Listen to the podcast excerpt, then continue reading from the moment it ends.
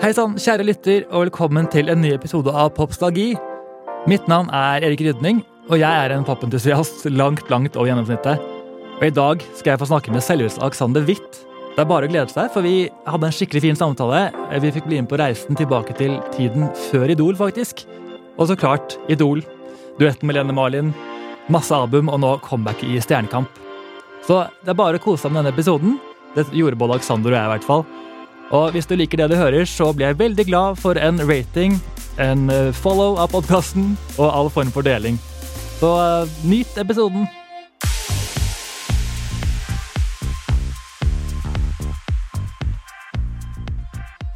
Året det er 1987, og Whitney Houston ville danse med noen. Og hele verden ville danse med henne.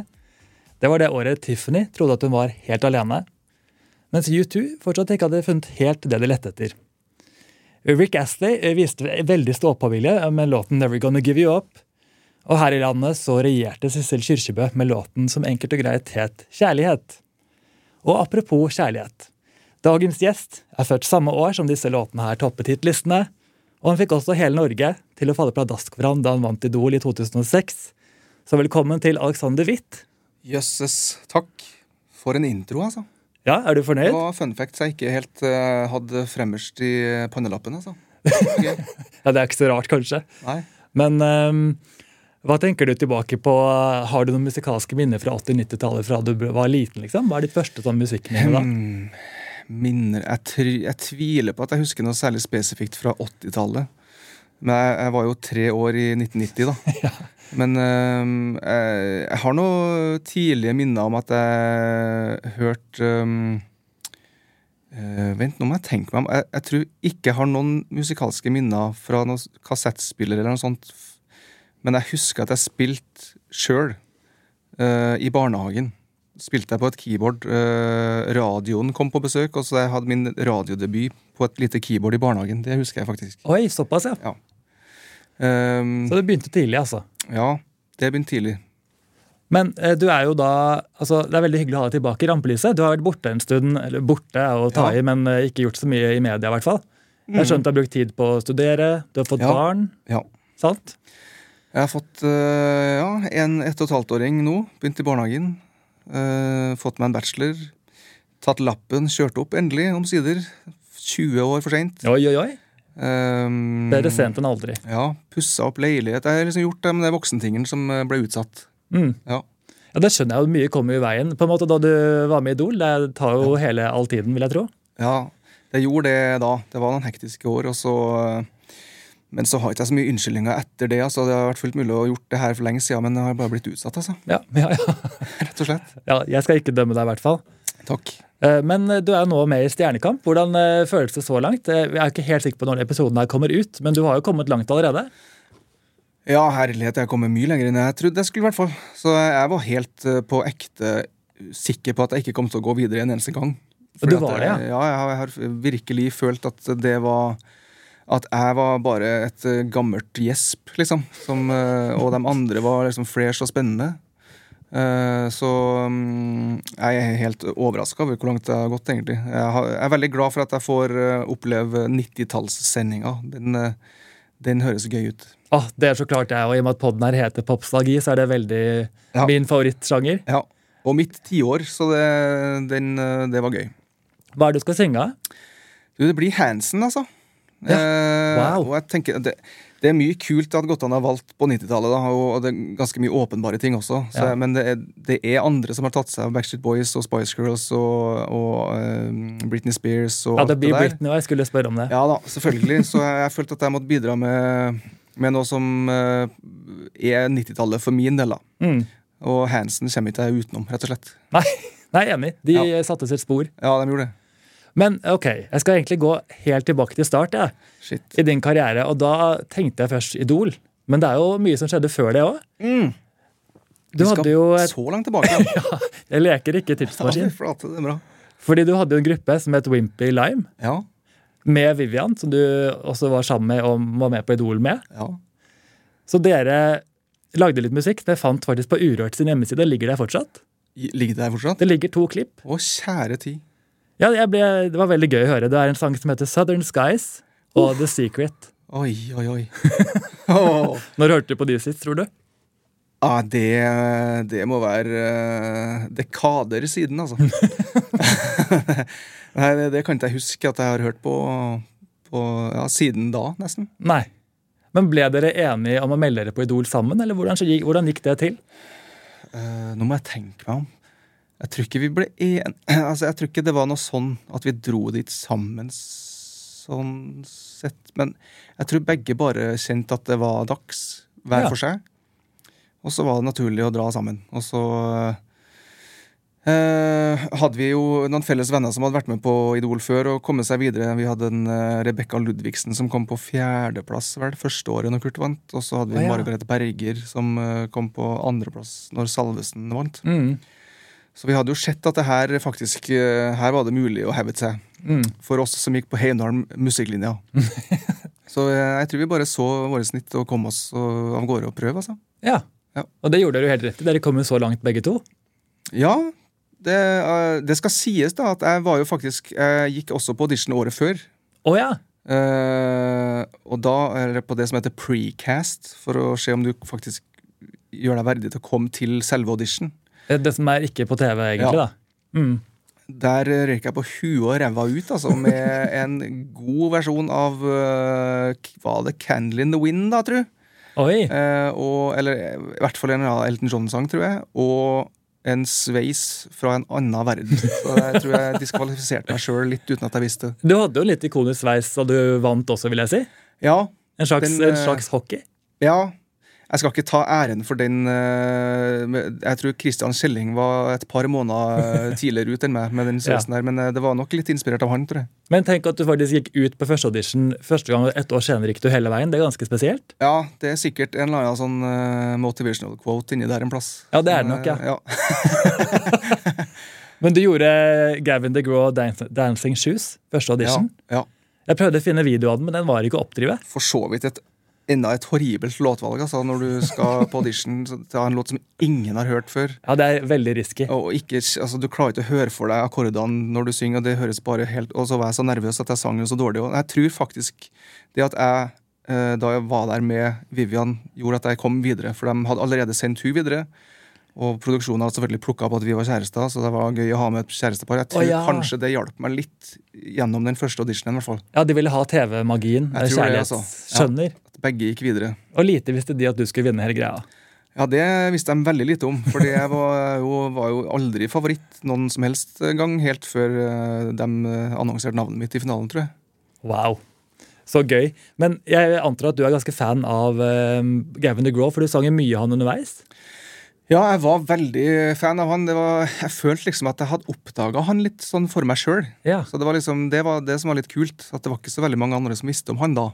Var det her før One Tree Hill også? Nå er jeg litt forvirret Ja, på årene. det, det er ikke jeg sikker på, for jeg har aldri sett eh, det. Oh ja, oh ja, ok. Eh, det.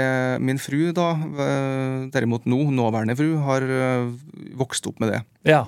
ja, for der er jo han tittellåten for de som lurer. Altså I. Don't Wanna Be er veldig ikonisk fra den serien. Ja. Nei, så jeg, jeg tror ikke det var, Når jeg fremførte de låtene på Idol, så tror ikke jeg det var noen som hadde noe særlig forhold til det. Nei. Det var i hvert fall min erfaring når jeg gikk gjennom det. Husker du noen av replikkene fra dommerne på audition, eller var du på en ordentlig audition etter denne eh, Altså, når du kom videre? Ehm, For da var jo Tor Milde der, og Ja. kom han med noe eh, rest in peace. Ja, virkelig. Uh, jeg, jeg husker en kommentar fra han Han var jo veldig kritisk til meg, da. Ja, han var jo slem Frem til helt på slutten. Da løsna det litt. Eh, men hans argument en gang husker jeg var 'du blir for lik deg selv hver gang', altså. Oi! Vanskelig å gjøre noe med, da, egentlig. Og så I tillegg så mente han at jeg ikke hadde noe særlig du hadde ikke særpreg, men jeg hørtes for mye ut som meg sjøl.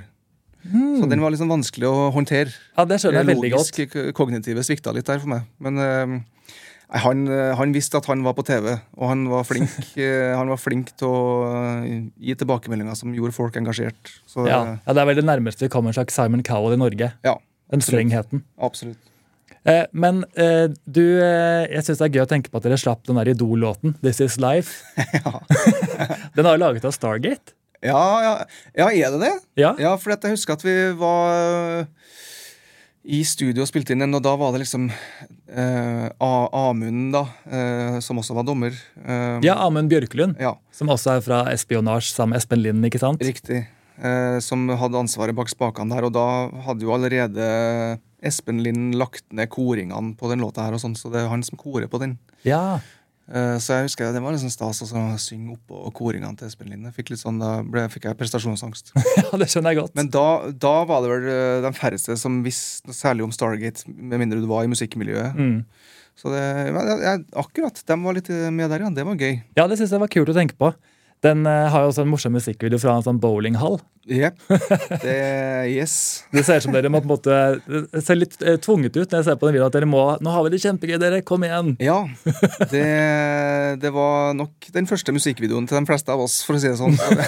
Det, det tror jeg vi ser.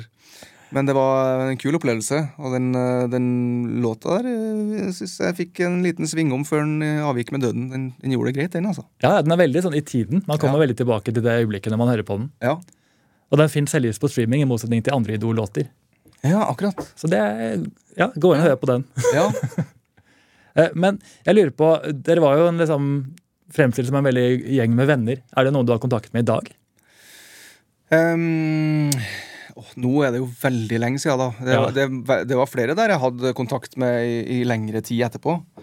Men, ehm, men nå er jo det Altså, vi snakker jo 18 år eller noe sånt nå, gjør ikke vi det? Jeg tror ehm, jeg, jeg traff eh, Jonas, da, som var i finalen sammen med meg.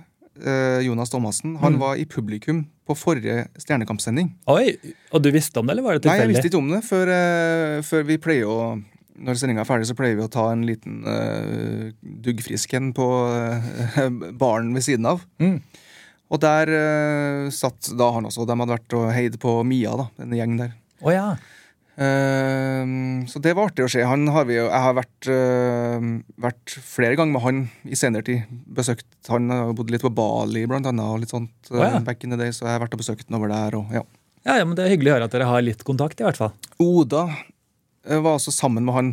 Eh, hun var også med i finaleheatet mitt. da Og hun har jeg også besøkt litt. Hun har bodd litt i LA og sånn. Oh, ja. Uh, Ørjan Hatlevik litt i starten Uh, etterpå, kanskje. Ja, men det er, har, det er ikke så mange jeg har kontakt med sånn daglig nå. Jeg anbefaler å legge ut et bilde sammen neste gang. Det er alltid gøy for oss nostalgikere å se Ja. reunion-bilder. Eh, det burde jeg gjort, egentlig, faktisk. Eh, det var noen andre som tok seg av det, så jeg tenkte at eh, Men eh, ja. eh, det burde jeg faktisk ha gjort, for det var litt, eh, det var litt sånn full sirkel-opplevelse. Ja, det skjønner jeg veldig godt. Ja. Har du noen favorittøyeblikk selv når du ser tilbake på alle dine opptredener fra Idol? Eller diverse øyeblikk rundt det, egentlig? Eh, oi, diverse øyeblikk rundt det. Det er et veldig stort spørsmål. Ja, Eh, jeg, la oss ta det som skjedde på TV, da. Kanskje først. Um, eh, eller eller bare favorittopptreden, for de gjorde jo ja. vel ti stykker, vil jeg tro. Kanskje jeg tror kanskje jeg syns eh, det er, Du skal jo være veldig uh, nerd for å huske på alt det her, da, men jeg sang Spiderman med storband på storbandaften. Det Ja. syns jeg var veldig kult. for, det, for det første så er det Du får kle deg opp i smoking og se fet ut, og så har du Du, du får ikke spilt med storband så veldig ofte. Nei. Uh, og så fikk jeg lov å spille litt piano den eh, gangen der, og det var liksom strengt. Man fikk egentlig ikke lov til å spille eh, instrumenter sjøl og sånn. Oh, ja. Men det fikk jeg sneket til meg, så det var en, sånn, det var en kul aften. ja. Ja. Eh, altså, jeg syns det er fascinerende å tenke på at når du da vinner Idol i Oslo Spektrum Det var i mai, det pleier det å være cirka. 19. mai. 19. mai, ja, det er en dato du kanskje ikke glemmer med det første. Den har satt seg. Ja, det skjønner jeg. Eh, Men så slipper du et album, eller aller først en singel, da. Eh, Men et album allerede fem måneder etterpå.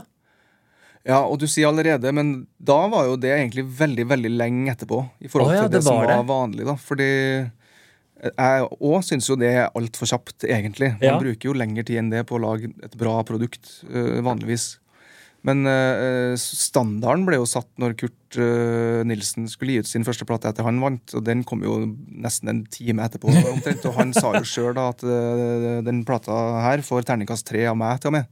Ja, For at vi har så dårlig tid på oss, for plateselskapet skal melke eh, som bare det. Men det en, var det en fordel for deg å ha Du hadde litt musikk fra før du kunne bruke, eller? Egentlig ikke. Jeg hadde sikkert noen ting, men vi begynte litt på scratch, altså. Så øh, det Jeg fikk sneke meg til mye bedre tid enn de, alle andre før meg. Uh, og jeg tror det ble et bedre produkt uh, av det av det. Eh, samtidig som vi kanskje mista litt momentum også, fordi folk har ekstremt kort hukommelse eh, når det kommer til sånne ting. Så Mm. det, det er en grunn til at plateselskapene helst vil ha det ut så fort som mulig, for at de vet at det går som eh, varmt hvetebrød akkurat da. Ja, ikke sant? Det gjorde i hvert fall singelen, da. A Little Ja, Too den fikk kjørt seg. Det, det gjorde noe da. Det var jo faktisk Da holdt vi på å gi ut fysiske singler fortsatt også. Oh, ja. Så det, den, kom liksom som en CD i en sånn der pop- eh, papp-cover. ja. så drev jeg og signerte dem i bøtta. Det, var, det var gamle dager, det. Det er hyggelig å tenke på. Ja. Det, Men var, var du på mange sånne kjøpesentre og turner, altså turnerte rundt for å signere og reise ja, rundt? det var jo hele Over hver krik og krok, altså. Ja. Så Ja, nå husket jeg hvor mange kopier som ble solgt der, men det var, det var mye, altså. Ja, det var mye. Eh, Så det skal Ja. Det, Det var ble et jo en- En ekte landeplage, vil jeg si, den sangen der. Ja, det ble det. Men eh, albumet Coming Home, hva, når du ser tilbake på det i dag, føler du at det på en måte er noe du står inne for? Er du stolt av det? Hva, er, liksom, hva føler du rundt den musikken nå? Ja, jeg er egentlig veldig stolt av det første albumet der, altså. Det må jeg si. Og det tror jeg er litt sånn uh, takket være at vi fikk lov å bruke litt tid på Mm. det, da. Og at det ble akkurat de produsentene det ble. Eh, vi eh, Det ble Man kunne ha gått for noen produsenter som var veldig sånn uh, smi mens jernet vant, prøve å få så mye penger ut av det her som mulig så fort som mulig. Men det ble Geir Luedi og Hans Petter Aasrud fra Trang fødsel. Ja. Og um, og dem, dem tror jeg det, bet, det betyr noe for dem å drive med det her, så jeg tror de la litt eh, energi og tid og sjel i det sjøl. Mm. Og jeg tror vi endte opp med et produkt som uh, dem òg syntes var veldig stas. Eh, og som til slutt skulle vise seg også tok meg over til Japan, da. Så det, det um, Ja, jeg må si jeg er stolt av det. Ja, men Det er godt å høre. For det er, det er også mange fine låter på det. Eh, bare, men apropos Hans Petter Aaserud, som du jobber med på hele albumet, tror jeg, Ja. unntak av en låt eller to. Mm. Han har jo også jobbet med Gareth Gates, husker du han? Som var med Idol UK. Ja. Og han hadde en låt som heter New Kid in Town, som så ble gitt ut av Gaute Ormåsen i Norge. Oh. Det var en lang reise, men det var på en måte veldig Idol-fokusert. Ja, ja. ja jeg, jeg vet at de, både han og Geir Luedi hadde, og har ikke minst altså, Geir spesielt har jo gjort det stort øh, eh, som manager og diverse altmuligmann med Aurora blant annet, og litt forskjellig senere tid. ja. De har alltid hatt et veldig sånn markant nettverk i Storbritannia. ja. Så det, de, var- de var også grunnen til at jeg fikk masterplata mi Abbey Road i, eh, i London. Og gjorde du det, ja? Eh, Ærverdige Abbey Road, eh, og fikk eh, bompa borti Bono eh, The Edge og Blue. Blue, ja, det eh, er drømmegjester i og Green. Day og alle mulige storheter som var vanka i gangene der. Det var Nei, en kult. kul opplevelse, altså. Wow, ja, da begynner du virkelig på topp. Ja, De, dem, dem var der. Jeg tror U2 og Green Day da skulle spille inn den der The Saints Are Coming, eller hva det heter for noe, mens vi var der samtidig. Oi, oi, oi. Så det var det var helt merkelig. altså Plutselig sette seg ned i kantina der og så bare sitte helt sånn low-key sammen med Bono. Det var helt latterlig. Ja, det skjønner jeg. Ja. Så gøy da, bare treffe på dem på den måten der. Ja, ja, og det, et, eh, det var jo hundrevis av folk som sto utafor gjerdeporten på utsida og venta på Bono. Så når jeg kom ut med ferdigmastra plate i handa og liksom strakk hendene i været, så, eh, så føltes det et par sekunder ut som de var der for min del. Eh, Men det var selvfølgelig Det var selvfølgelig Bono som ikke var helt ferdig. Nå. Det er bare å kjenne på all kjærlighet man kan få, tenker Jeg Jeg tror jeg. tar det jeg får, jeg. Altså. Eh, Jeg gikk inn og så på A Little Too Perfect musikkvideoen på YouTube. Ja. Og der fant jeg en litt morsom kommentar, synes jeg. Fordi de fleste er jo sånn derre Why isn't he bigger? He needs to go global. Altså, det er veldig mye hyggelige kommentarer. Ja. Og så er det også en som skrev Selv om Elvis Presley er min favoritt og tidenes artist, så er dette faktisk fengende. Hilsen mann i 50-årene.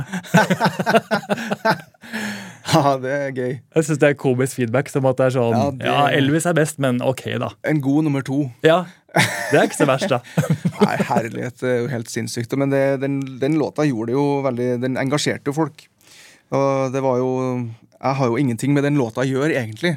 Den ble jo skrevet av noen hitmakers i Sverige. Ja, Sånn er det jo med de vinnerlåtene som regel. Ja, Den er jo plukka og henta ferdig for å ligge klappa og klar til den som måtte komme seg til finalen. liksom. Ja.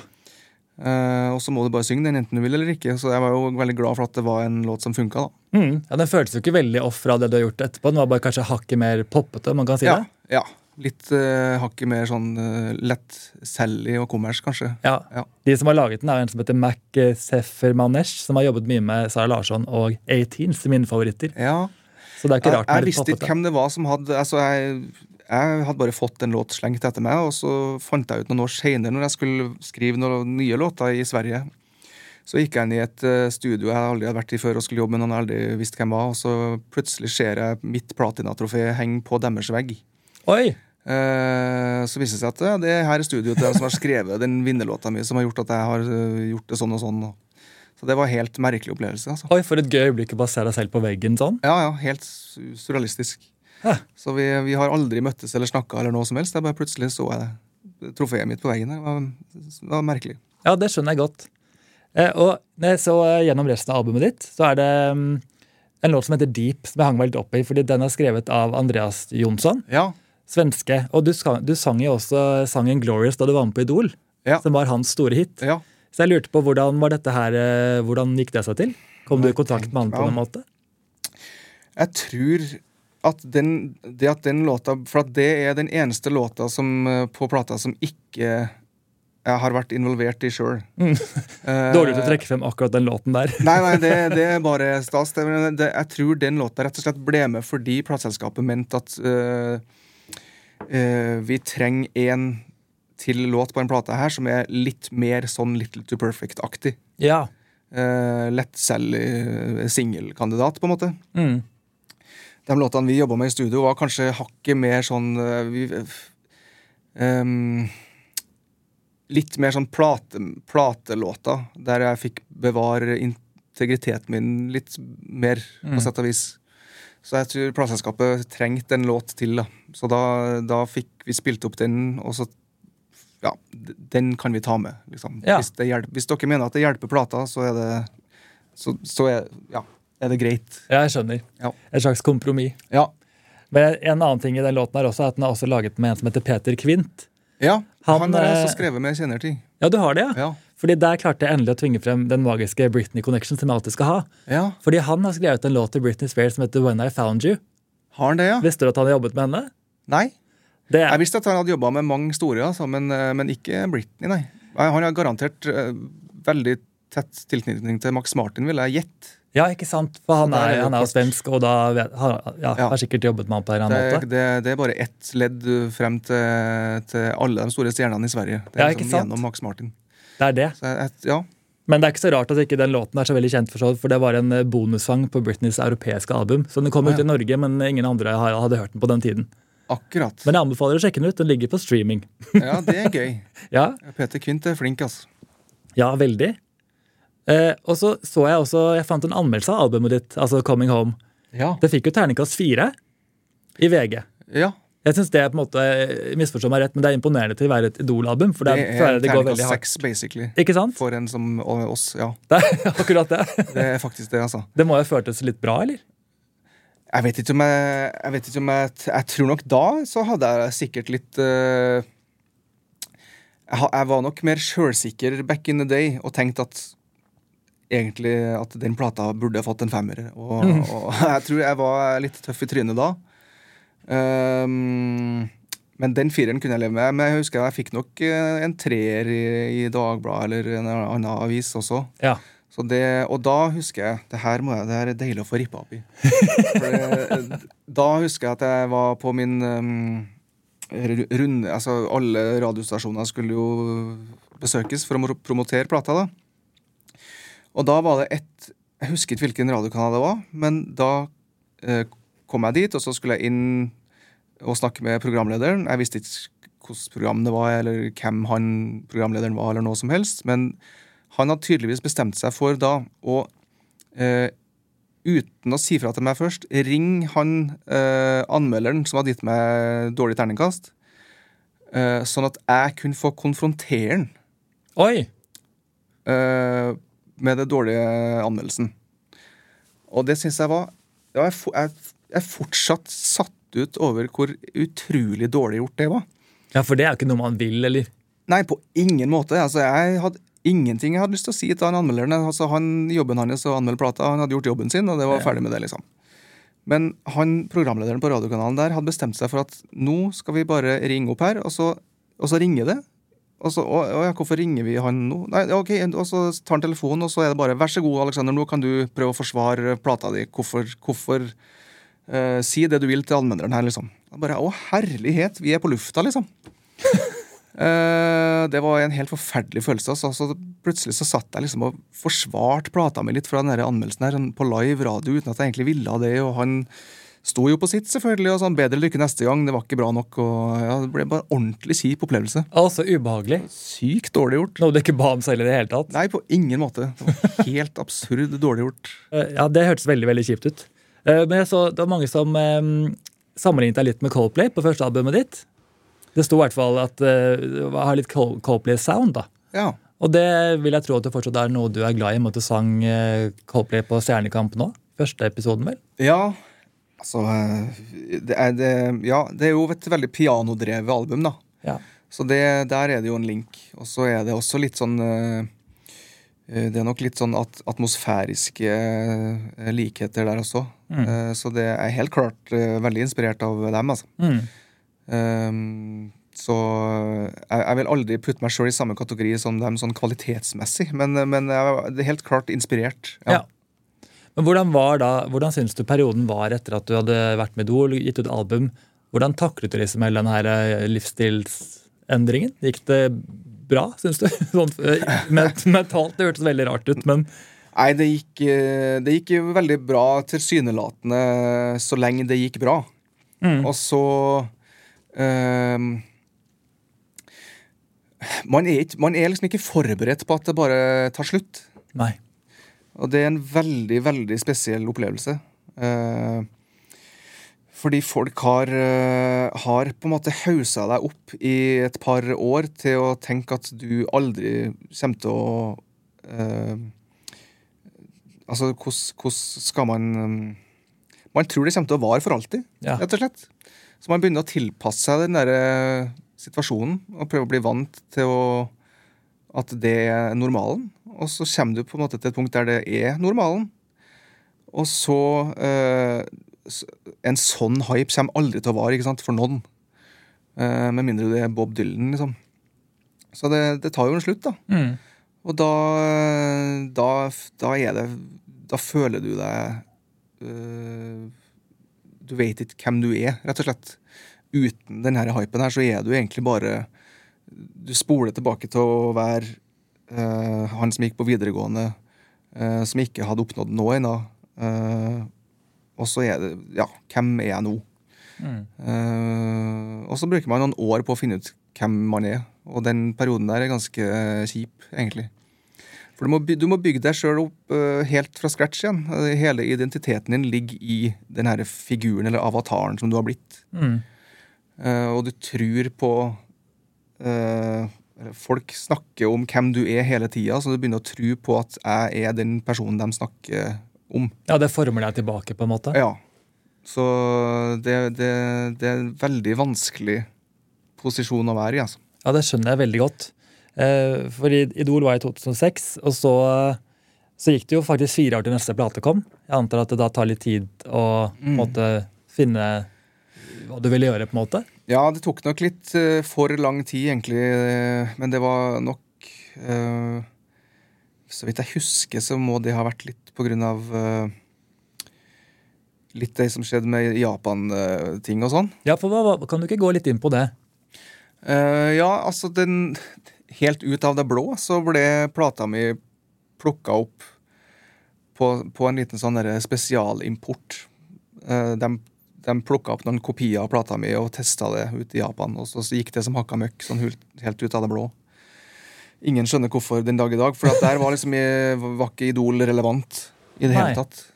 Så jeg var bare en hvilken som helst fyr. Og så, siden det gikk som hakka møkk, så booka de meg videre til å sette opp en fullverdig turné, da. Uh, med påfølgende lansering og satsing. Og det her var da med første albumet? Ja. Ja. Så før jeg visste ordet av det, så var jeg på en måte på turné borti der med Billboard eh, og, og sto på samme scene som de største artistene i verden. Uh, og de hadde bygd helt nye, ven, nye venues, og det var helt uh, latterlig. Uh, så det hysteriet der varte jo en stund, så da ble liksom nor norske planer ble lagt litt på is, uh, vil jeg tro, da. Mm. Ja, det gir jo mening. Ja. Så Men holdt du det oppe i Japan også? Dro du mye frem og tilbake? og... Nei, det ble Det ble Det ble bare Det høres ut som jeg har vært store deler av livet mitt i Japan av og til, men det, jeg har bare vært der to ganger. Oh, ja, ok. En uh, promoturné, og så en eh, fullverdig turné med band og sånn. Ja. Uh, og så burde vi jo definitivt ha liksom fulgt opp det for å holde det her varmt, men det, det hadde ikke uh, plateselskapet budsjettet, rett og slett. Nei. Så da ble det med det. Og så det var Akkurat på det tidspunktet der så sto karrieren min veldig på en sånn Nå er det like før det enten klikker helt og tar helt av. Mm. Da, da ringte liksom alle eh, plateselskapskontor i hele verden, egentlig. Eh, ellers så bare kollapser det nå. Hvis vi ikke angriper det her riktig. Og det ble nok kanskje mer kollaps, rett og slett. For at vi ikke klarte å følge opp trykket, rett og slett. Ja. Veldig vanskelig situasjon å være i. da, så, så Utrolig gøy å bli kontaktet fra hele verden, men vanskelig å vite hva som er riktig neste steg, tenker jeg. Ja, jeg visste i hvert fall ikke hva jeg skulle gjøre, så jeg Nei. var helt eh, prisgitt uh, dem som jobba med meg, som skulle vite hva de drev med. Mm.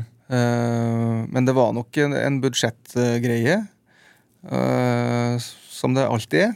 Og så- men så var det også mye dårlig håndtering, tenker jeg. At, eh, det var en del sjanser der som lå på bordet som vi burde ha Ok, det her koster litt penger, men det er, det er ingen som får sånne her tilbud. Vi må slå til, liksom. Er det noe du spesifikt du tenker på da? Uh, nei, det kan være alt fra sånne ting som at eh, eh, man får muligheten til å Eller man blir ringt opp og bedt spesifikt om å komme og spille på det og det kontoret for dem og dem landene. Ja. Uh, bare for å vise deg frem til sjefen for eh, Sony eller BMG, eller eh, Du blir invitert spesifikt for å gjøre det, da. Mm. Uh, og da må man slå til, ikke sant? for da, da er det jo en riktig sjar- sjarmoffensiv der, så er du liksom inne i et helt nytt territorium i verden. Mm. Ja. Eh, helt til sånne andre ting der du blir invitert til å spille på MTV, eh, altså sånn live på MTV på Times Square-ting og sånn. Oh, ja. Eh, men det er jo bare en, en utgift, ikke Mm. sant? Og så er det sånn må man Nei, det har ikke vi nå, nå må vi ta ett territorium gangen, liksom. Ja, ikke sant? Ja, I første omgang er det, er det en utgift, men det vil jo være veldig lurt etter hvert. Men jeg skjønner at Ja, har... det man kaller en investering. Det er det. Ja. Der var ordet. Ja, så det, men det var ikke Man må ha folk som er villige til å investere, da. Ja. Så det, det var det var mange, mange gode muligheter der som vi aldri greip, rett og slett. Mm. Men uh, før vi går inn på ditt andre album, så hadde du også en veldig ikonisk opptreden spør du meg, i 2007 med Marion Ravn, når du sang 'Like a Virgin'. Ja, Det hadde jeg på en måte ikke sett komme. Den sangen følte jeg var litt utenfor din verden. ja. Det føler jeg òg. men da uh, Det var vel på Idol Idol gir tilbake, Gir tilbake, ja. som veldedighetsopplegg. Ja. Men da var det også litt sånn, da hadde Marion akkurat begynt å liksom skal relansere seg sjøl i Norge etter å ha vært satsa stort i USA og sånn. Og hun Mm. var jo eh, stor stjerne i min bok, eh, og i alles bok, egentlig, eh, da. Så da, da godtar du den låta eh, hun vil synge. synge. Jeg tenkte kanskje det var hennes valg. Ja, det var ikke jeg som hadde, hadde hovedfokus der, altså. Men du gjorde det bra likevel. Ja, det gikk jo ålreit. Stemmene var veldig fine sammen. Ja, takk. Vi har jo blitt værende gode venner, vi, altså. Ja, Det er Så hyggelig. det er stas. Hun var en av mine første gjester her. faktisk. Det var veldig gøy å gå gjennom hele M2M-reisen. og alt Ja, sånt Ja, der har vi litt mer å snakke om, vil jeg tro. Ja, mye å hente. Der er vel også, apropos Hansen eh, Ja, Marit, Jeg tror Marit Larsen datet han Nenny Hansen, syns jeg Marion sa. Jeg tror, eh, jeg tror nok begge Kanskje begge gjorde det? Det er ikke sikkert eh, det var dating på begge, men jeg tror nok begge har uh, utveksla noe kyss der. hvis jeg ikke har tolka det helt feil. Ja, det er gøy. uh, ok, uh, så var det da neste albumet kom i 2010, Still Awake. Ja. Da hadde du vært i Japan, du hadde brukt en del tid på å finne din retning musikalsk sett, vil jeg tro. Du, eller Ja. hvordan var oppbyggingen til dette albumet? Ehm, nå må jeg tenke meg om, altså. Jeg, jeg tror rett og slett at da hadde jeg etter hvert eh, fått etablert et ganske sånn stødig liveband, og han ene uh, som hadde kanskje mest ansvar i det bandet, endte opp med å bli min nye produsent. Mm. Eh, så vi stifta litt nytt bekjentskap der, og fikk da Det var en helt andre folk som gjorde mitt andre album enn mitt første. Ja, for På det andre jobber du mye med Bernt Rune Stray. Ja. Eh, Bernt Rune Stray og Bjørn Erik Pedersen. Ja. Um, så da, da blir det jo helt åpenbart et litt nytt lydbilde, da, når man Mm. bruker nye folk. Og, og jeg har jo utvikla meg også, så uh, det albumet spilte vi inn i Vi spilte inn ganske sånn kul måte å gjøre det på. Bare ganske sånn live i studio. Uh, I Fagerborg studio, heter det da. Oh, ja. uh, jeg tror ikke det eksisterer lenger. Men var det, var det eh, Bernt Rune som eh, fikk Lene Marli involvert? Ja, det kan du si. Eh, han har jo jobba tett med henne i hele sin reise. Mm. Så dem Ja, det var nok han som fikk oss i Det starta egentlig bare med at vi skulle prøve å skrive et par låter sammen. Ok. Se hva det ble til. Og så gjorde vi det, og så ja, ble det til at den ene låta var veldig sånn duettriktig. Og så øh, endte det med at vi måtte, vi må, den låta her er ikke det samme uten at hun er med på den. Nei, Og låten vi snakker om da, er jo så klart Worth It. Som er en Worth it, ja.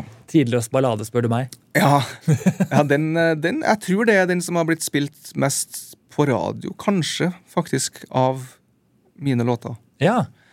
Det er vel kanskje også den Ja, nå skal ikke jeg si det her sikkert, men det- er nok en av dem som har gjort det best på streaming og sånn også.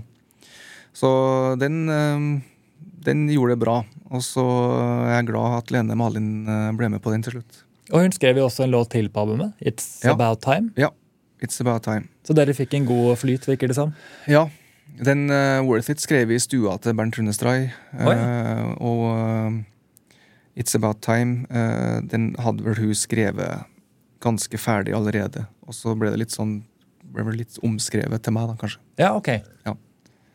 Men hvordan følte du det var å komme med dette albumet her, da? Fordi um, det gikk rett til andreplass. Jeg tror det er worth it. Jeg mener da at singelen gikk rett til andreplass.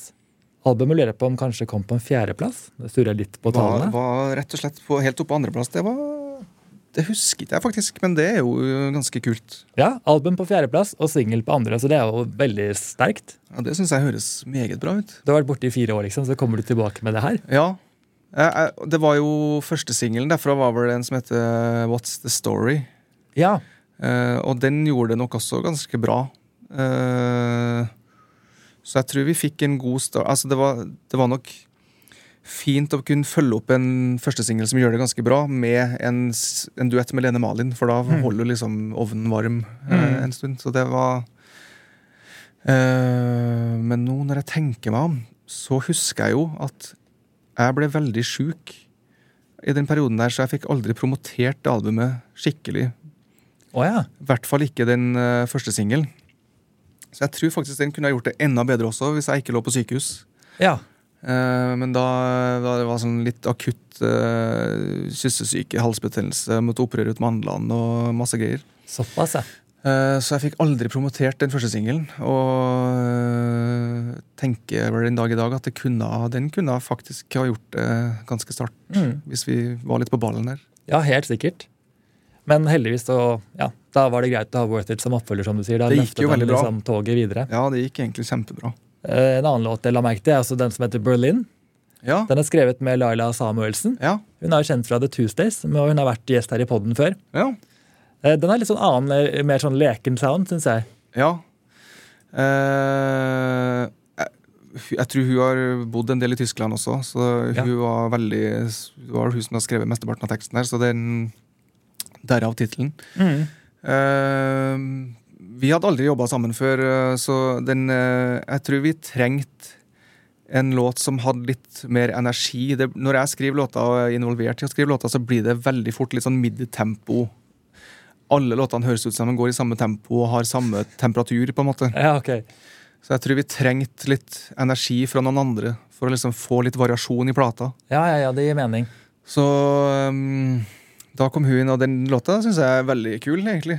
Mm. Eh, den har en sånn C-del inni der òg, som der jeg fikk der Du hører liksom at Ok, nå har Laila bidratt veldig på vers og refreng her, og så hører det veldig tydelig at ok, her får Alexander lov å skrive neste del. Der kom piano igjen, ja, og der kom det litt sånn Coldplay-aktige greiene. Og så, ja, Det, det er morsomt kul. at det er så tydelig. Ja. Eh, Men etter, eh, etter det albumet kom ut, så um, gikk det to år til neste. Og så, ja, så etter det er det jo på en måte Idol junior, som er et litt sånn morsomt, eh, morsomt eh, ja. tilbakeblikk til din start. på en måte. ja. Hvordan var det egentlig? Det var en um, Hva skal man si om det? Jeg syns det var utrolig stas å bli spurt om å få være med på det. Jeg syns det var veldig gøy å være dommer på det. Eh, Det var jo sammen med denne Idol-gjengen Alejandro Ja. Fuentes, Sandra Lyng og Margaret Berger. Ja. Uh, men jeg husker jo at det ble veldig mye blest rundt det programmet, fordi at f- det, det ble jo Det ble jo kjempedebatt rundt det her med at de deltakerne er for unge og bør ikke eh, eksponeres på den måten her. og Ja. De skal ikke være utsatt for sånn konkurransesetting, de skal jo bare ha det gøy med musikk og alt det der. Det var, den så vi jo kom litt, da. Så mm, eh, det ble litt blest rundt det, husker jeg. Og så, Mm. det, tok det vel aldri helt av sånn seertallmessig heller. Så det, så det ble aldri noe sesong to av det. Men var du, Likte du å være på andre siden av det hele? Ikke Ja. være på scenen? Ja, jeg syns det var kjempekult. Og jeg, jeg er veldig glad i barn i tillegg, og jeg har jobba som eh, musikklærer og sanglærer for barn, og jeg elsker å på en måte være med og motivere og hjelpe sånn. Mm. Eh, Men jeg skjønner jo at det her var jo noe større enn det òg. Det er jo TV, og det er ikke bare bare å bli eksponert på den måten her. Det er jo jeg den første som eh, kan si noe om. Mm. Eh, Og jeg var jo mye eldre også. Eh, For Hva det- var aldersgrensen her, husker du det? Eller hvor eh, ung kan man være, liksom? Ja, Var det maks 15 eller 16, jeg tror Ja, ikke sant? Kanskje. Men de, de fleste var jo sikkert rundt eh, 10-12, Mm. noe sånt. Så det er ungt, altså. Veldig. Eh, og det gøye er jo at hun som sto i finalen der, uh, hun som ikke gikk av med seieren, hun er jo nå min meddeltaker i Stjernekamp. Nei, seriøst? Hvem er det? Uh, Mari Bella. Oi! Nei, så gøy. Hun Og det her Det huska ikke jeg helt, for at hun har jo åpenbart blitt voksen. Mm. Så det er ikke så lett å kjenne igjen henne, men hun, hun var da først med på Idol junior når jeg var dommer. Kom til finalen der, og så har jeg da vunnet Idol, som jeg også har gjort Ja. etterpå. Og nå er vi sammen på Stjernekamp. Så det er jo en helt absurd eh, reise, egentlig. Det er virkelig ment to be at dere skal bli kjent. i hvert Ja, fall det, en det eller er måte. noe i universet som vil at vi skal være på, på samme scene eller en plass. Så gøy, Den koblingen hadde ikke jeg tatt. Så gøy at du klarte å sette den sammen der. Ja, Men jeg ble litt overivrig her og hoppet jo da på en måte litt over ditt eh, tredje album. Alexander Witt. Ja, ja, ja. Det, er bra, det er bra vi går gjennom det her, for at jeg har ikke helt oversikt sjøl. Det er godt å få satt ting i rekkefølge her. Ja, ikke sant? Det er viktig å ha litt kronologi på det hele. Ja. Der er jo singelen 'Pictures' var vel hovedsingelen, som jeg forstår. Uh, ja. Uh, det ja, Eller? stemmer. Jo, det stemmer, ja. Du kan si meg imot hvis du Nei, nå, jeg må bare tenke det her eh, Det går så i surr for meg òg. Ja. Ja, det stemmer. Eh, Der er det også Bernt Rune Stray tilbake. Ja, Også laget med Berent Philip Moe. Ja han var vel litt eh, inne i bildet der også, ja. Ja. Kristiansand-basert eh, produsent. Her gjorde du også en mektig opptreden på X-Faktor. Du sang 'Pictures' eh, Ja, på en av de liveshowene. ja, det var vel eh, Var det ikke til og med finalen, da? Jeg vil tro Jeg det. det Det sto ikke om det var det eller ikke, så jeg Mm. turte ikke å ta sjansen. Ja, og det var ikke tilfeldig, det. For det, um, det var en genial fyr i uh, plateselskapet. eh, Sony BMG, eller Sony Music. Husket jeg når de gikk over til å hete Sony Music fra BMG, men Nei. Sony i hvert fall. som fikk uh, for seg at det kunne være en god idé å plante den låta her uh, i X-Faktor, sånn at de spilte av den låta her eh, hver gang det var noen litt sånn emosjonelle øyeblikk der noen uh, røyk ut eller, eller gikk videre, eller uh, ja, Så var det liksom den sangen som kom på som en sånn derre fast låt, da. Ja. Uh, Så den gikk Det gikk liksom noen sekunder av den låta der hver gang det var et emosjonelt øyeblikk på X-Factor gjennom hele sesongen. Uten at noen egentlig visste hvilken låt det her var, eller at det var meg, eller noe som helst. Og så skulle man liksom bare møte opp på i finalen og fremføre den og, som, og liksom vise hvem som faktisk sang den låta her. Endelig får folk høre låten i sin helhet. Ja. Uh, og da husker jeg at da gikk den jo rett opp på nummer én på iTunes og sånn. Uh, Ja. Etter den opptredenen der. Det der var nesten litt sånn datidens eh, TikTok viral-hit. Uh, Ja. Skipper teasers her og der, og så Ja, til slutt hele låten. Det var et godt eksempel på et godt uh, plateselskap-håndverk. Og Ja. hva, man virkelig kan få til når, eh, når de gjør en god jobb. Som jeg aldri hadde kommet på sjøl. Så det, um, det var et bra, bra teamarbeid. Ja, veldig, og legger en skikkelig god plan. Ja. Så har du med deg Hans Petter Aasrud igjen på bl.a. Once, en av de andre singlene. ja. Og da Det var litt hyggelig, for at da eh, I løpet av de årene her da, så har Bernt Understrai og det nye produsentteamet mitt eh, eh, bygd og starta et studio i Asker. Og eh, så har jeg satt dem i kontakt med mine forrige produsenter sånn at, eh, og Hans Petter Aasrud. Sånn at det ender opp med at Hans Petter Aasrud og mine nye produsenter starter et studio sammen i Asker. Oi! Det, den æren tar jeg den dag i dag. At de fant hverandre. Så de eh, sånn, ja, så det ble naturlig å ta med Hans Petter på låtskrivinga litt der òg, for at de var i samme studio. da. Ja, ja det gir jo mening. Eh, og så, jeg eh, Nå har vi allerede vært innom Idol, som var året etter dette albumet her. Ja. Men eh, så gikk det nok en gang i sånn to-tre år før du slapp The Butterfly Effect. Ja. Der følte jeg at det var en litt annen sound igjen. ja. Eh, kanskje litt mer elektronisk, stemmer det? Ja, absolutt. Litt mer elektronisk og ganske mye mer dystert, eh, kanskje, vil jeg Mm. påstå. Det var nok den mørkeste perioden eh, i mitt liv, sånn eh, psykisk. Ja. Og den, det tror jeg kommer litt til uttrykk der, altså. Så eh, For meg så er den EP-en der vil alltid være litt sånn på sida, egentlig, av det jeg står for. For at det var bare noe som måtte lages for å få det ut av systemet. ja, ok. Eh, ikke nødvendigvis noe som var planen. Det var ikke nødvendigvis lurt, eller liksom eh, sånn musikk jeg egentlig ville ha laga hvis jeg var mentalt stabil Nei, ok. akkurat da. Men det var sånn jeg følte akkurat da, og det ble en litt sånn mørk og elektronisk variant, faktisk. da. Ja, Personlig så er jeg veldig glad i Better. Jeg synes den er veldig fin. Ja, takk. Jeg er veldig stolt av den, altså. Så det er ikke noe med det, men det er bare litt ute av karakter, egentlig. Mm. Når jeg først snakker om å, ha det litt tungt, og sånn, så er jo det selve, i hvert fall lyrisk, da, eh, den låta som definerer det tydeligst. At det handler om å Uh, ha det helt jævlig, men at så skriver jeg en sang til meg sjøl, om at det her det kommer til å gå over, det her òg. Mm. Men eh, det, var, det var tunge tider. Ja. Ja. Det er kanskje en slags påminnelse når du kan se tilbake at du i hvert fall er ute av det. Det Ja. må være litt deilig å tenke sånn, i det minste. Ja, helt klart. Så, eh, har, det er derfor jeg har litt sånn eh, Jeg setter aldri på den plata sjøl, for å si det sånn. Da, da er jeg liksom umiddelbart tilbake til det litt eh, kjipe, vonde. Det trenger ikke jeg å gå og kjenne på så mye mer. Nei, det skjønner jeg. Vi, ja. vi kan la den ligge, egentlig. Men jeg bare så at eh, på denne her så hadde du jobbet med bl.a. David Snowden.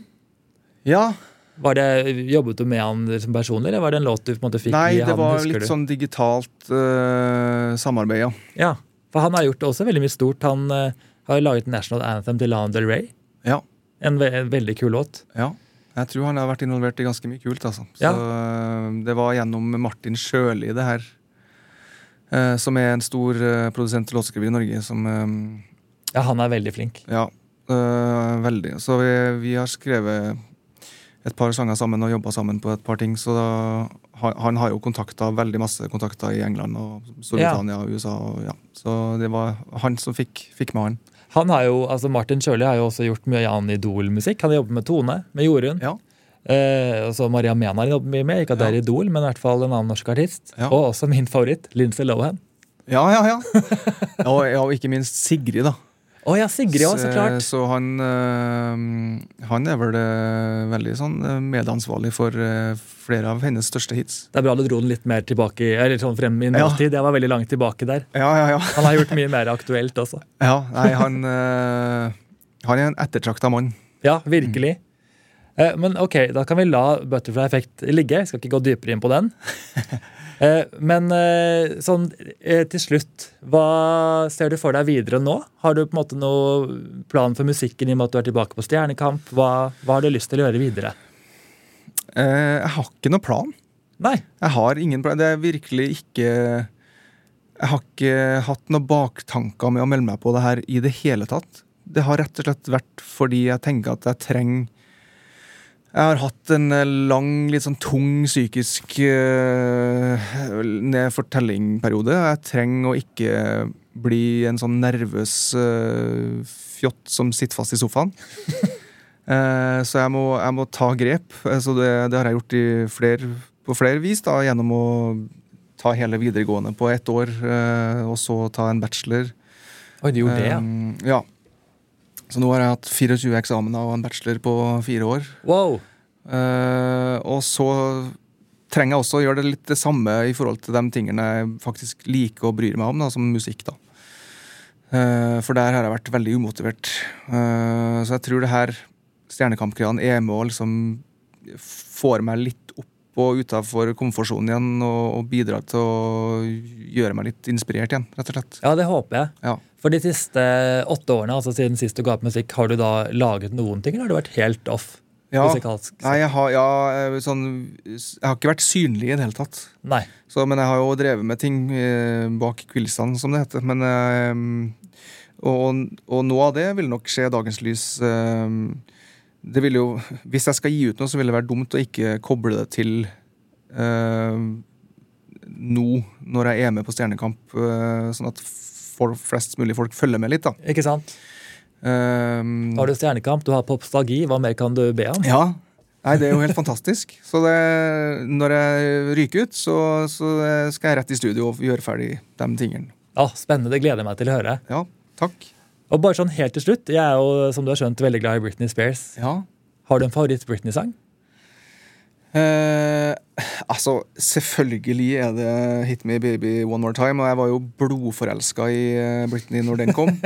Den musikkvideoen er jo nådeløs for oss eh, unge gutter da. Ja, det er den. Eh, og så um, um, og når, jeg husker når hun ble sammen med Justin Timberlake, da gikk verden i grus, altså.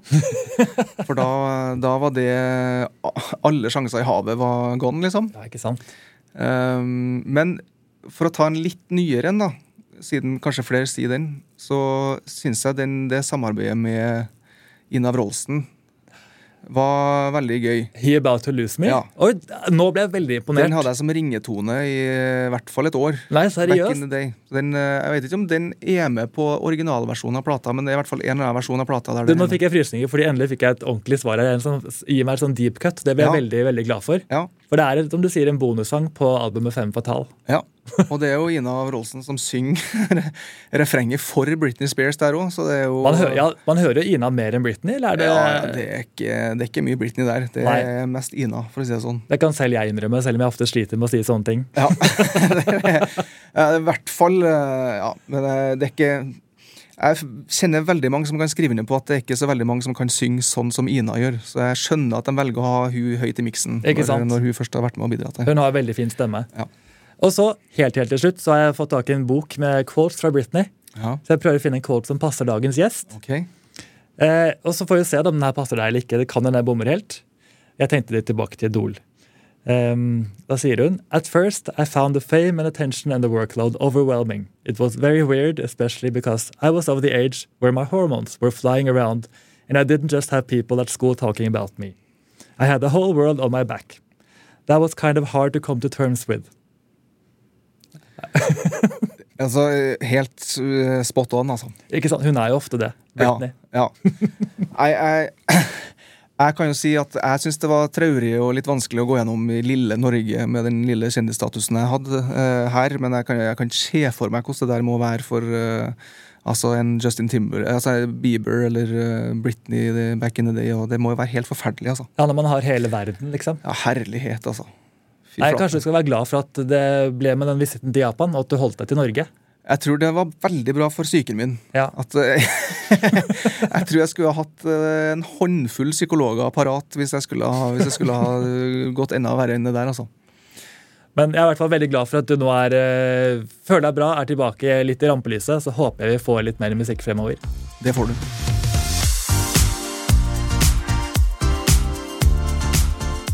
Så gøy at vi har kommet helt hit. Det betyr at du kanskje liker det du har hørt på i dag. Og da håper jeg at du vil legge inn en liten anmeldelse, en rating eller bare dele podkasten med noen du kjenner. Det hadde jeg satt veldig veldig pris på. Så vil jeg bare minne om at du må gjerne sende meg forslag på Instagram at Erik Rydning, til da temaer og gjester du vil høre mer om. For det er så gøy å høre ja, rett og slett hva dere vil dypdykke i. Så høres vi videre i sesongen. Det kommer masse mer gøy fremover.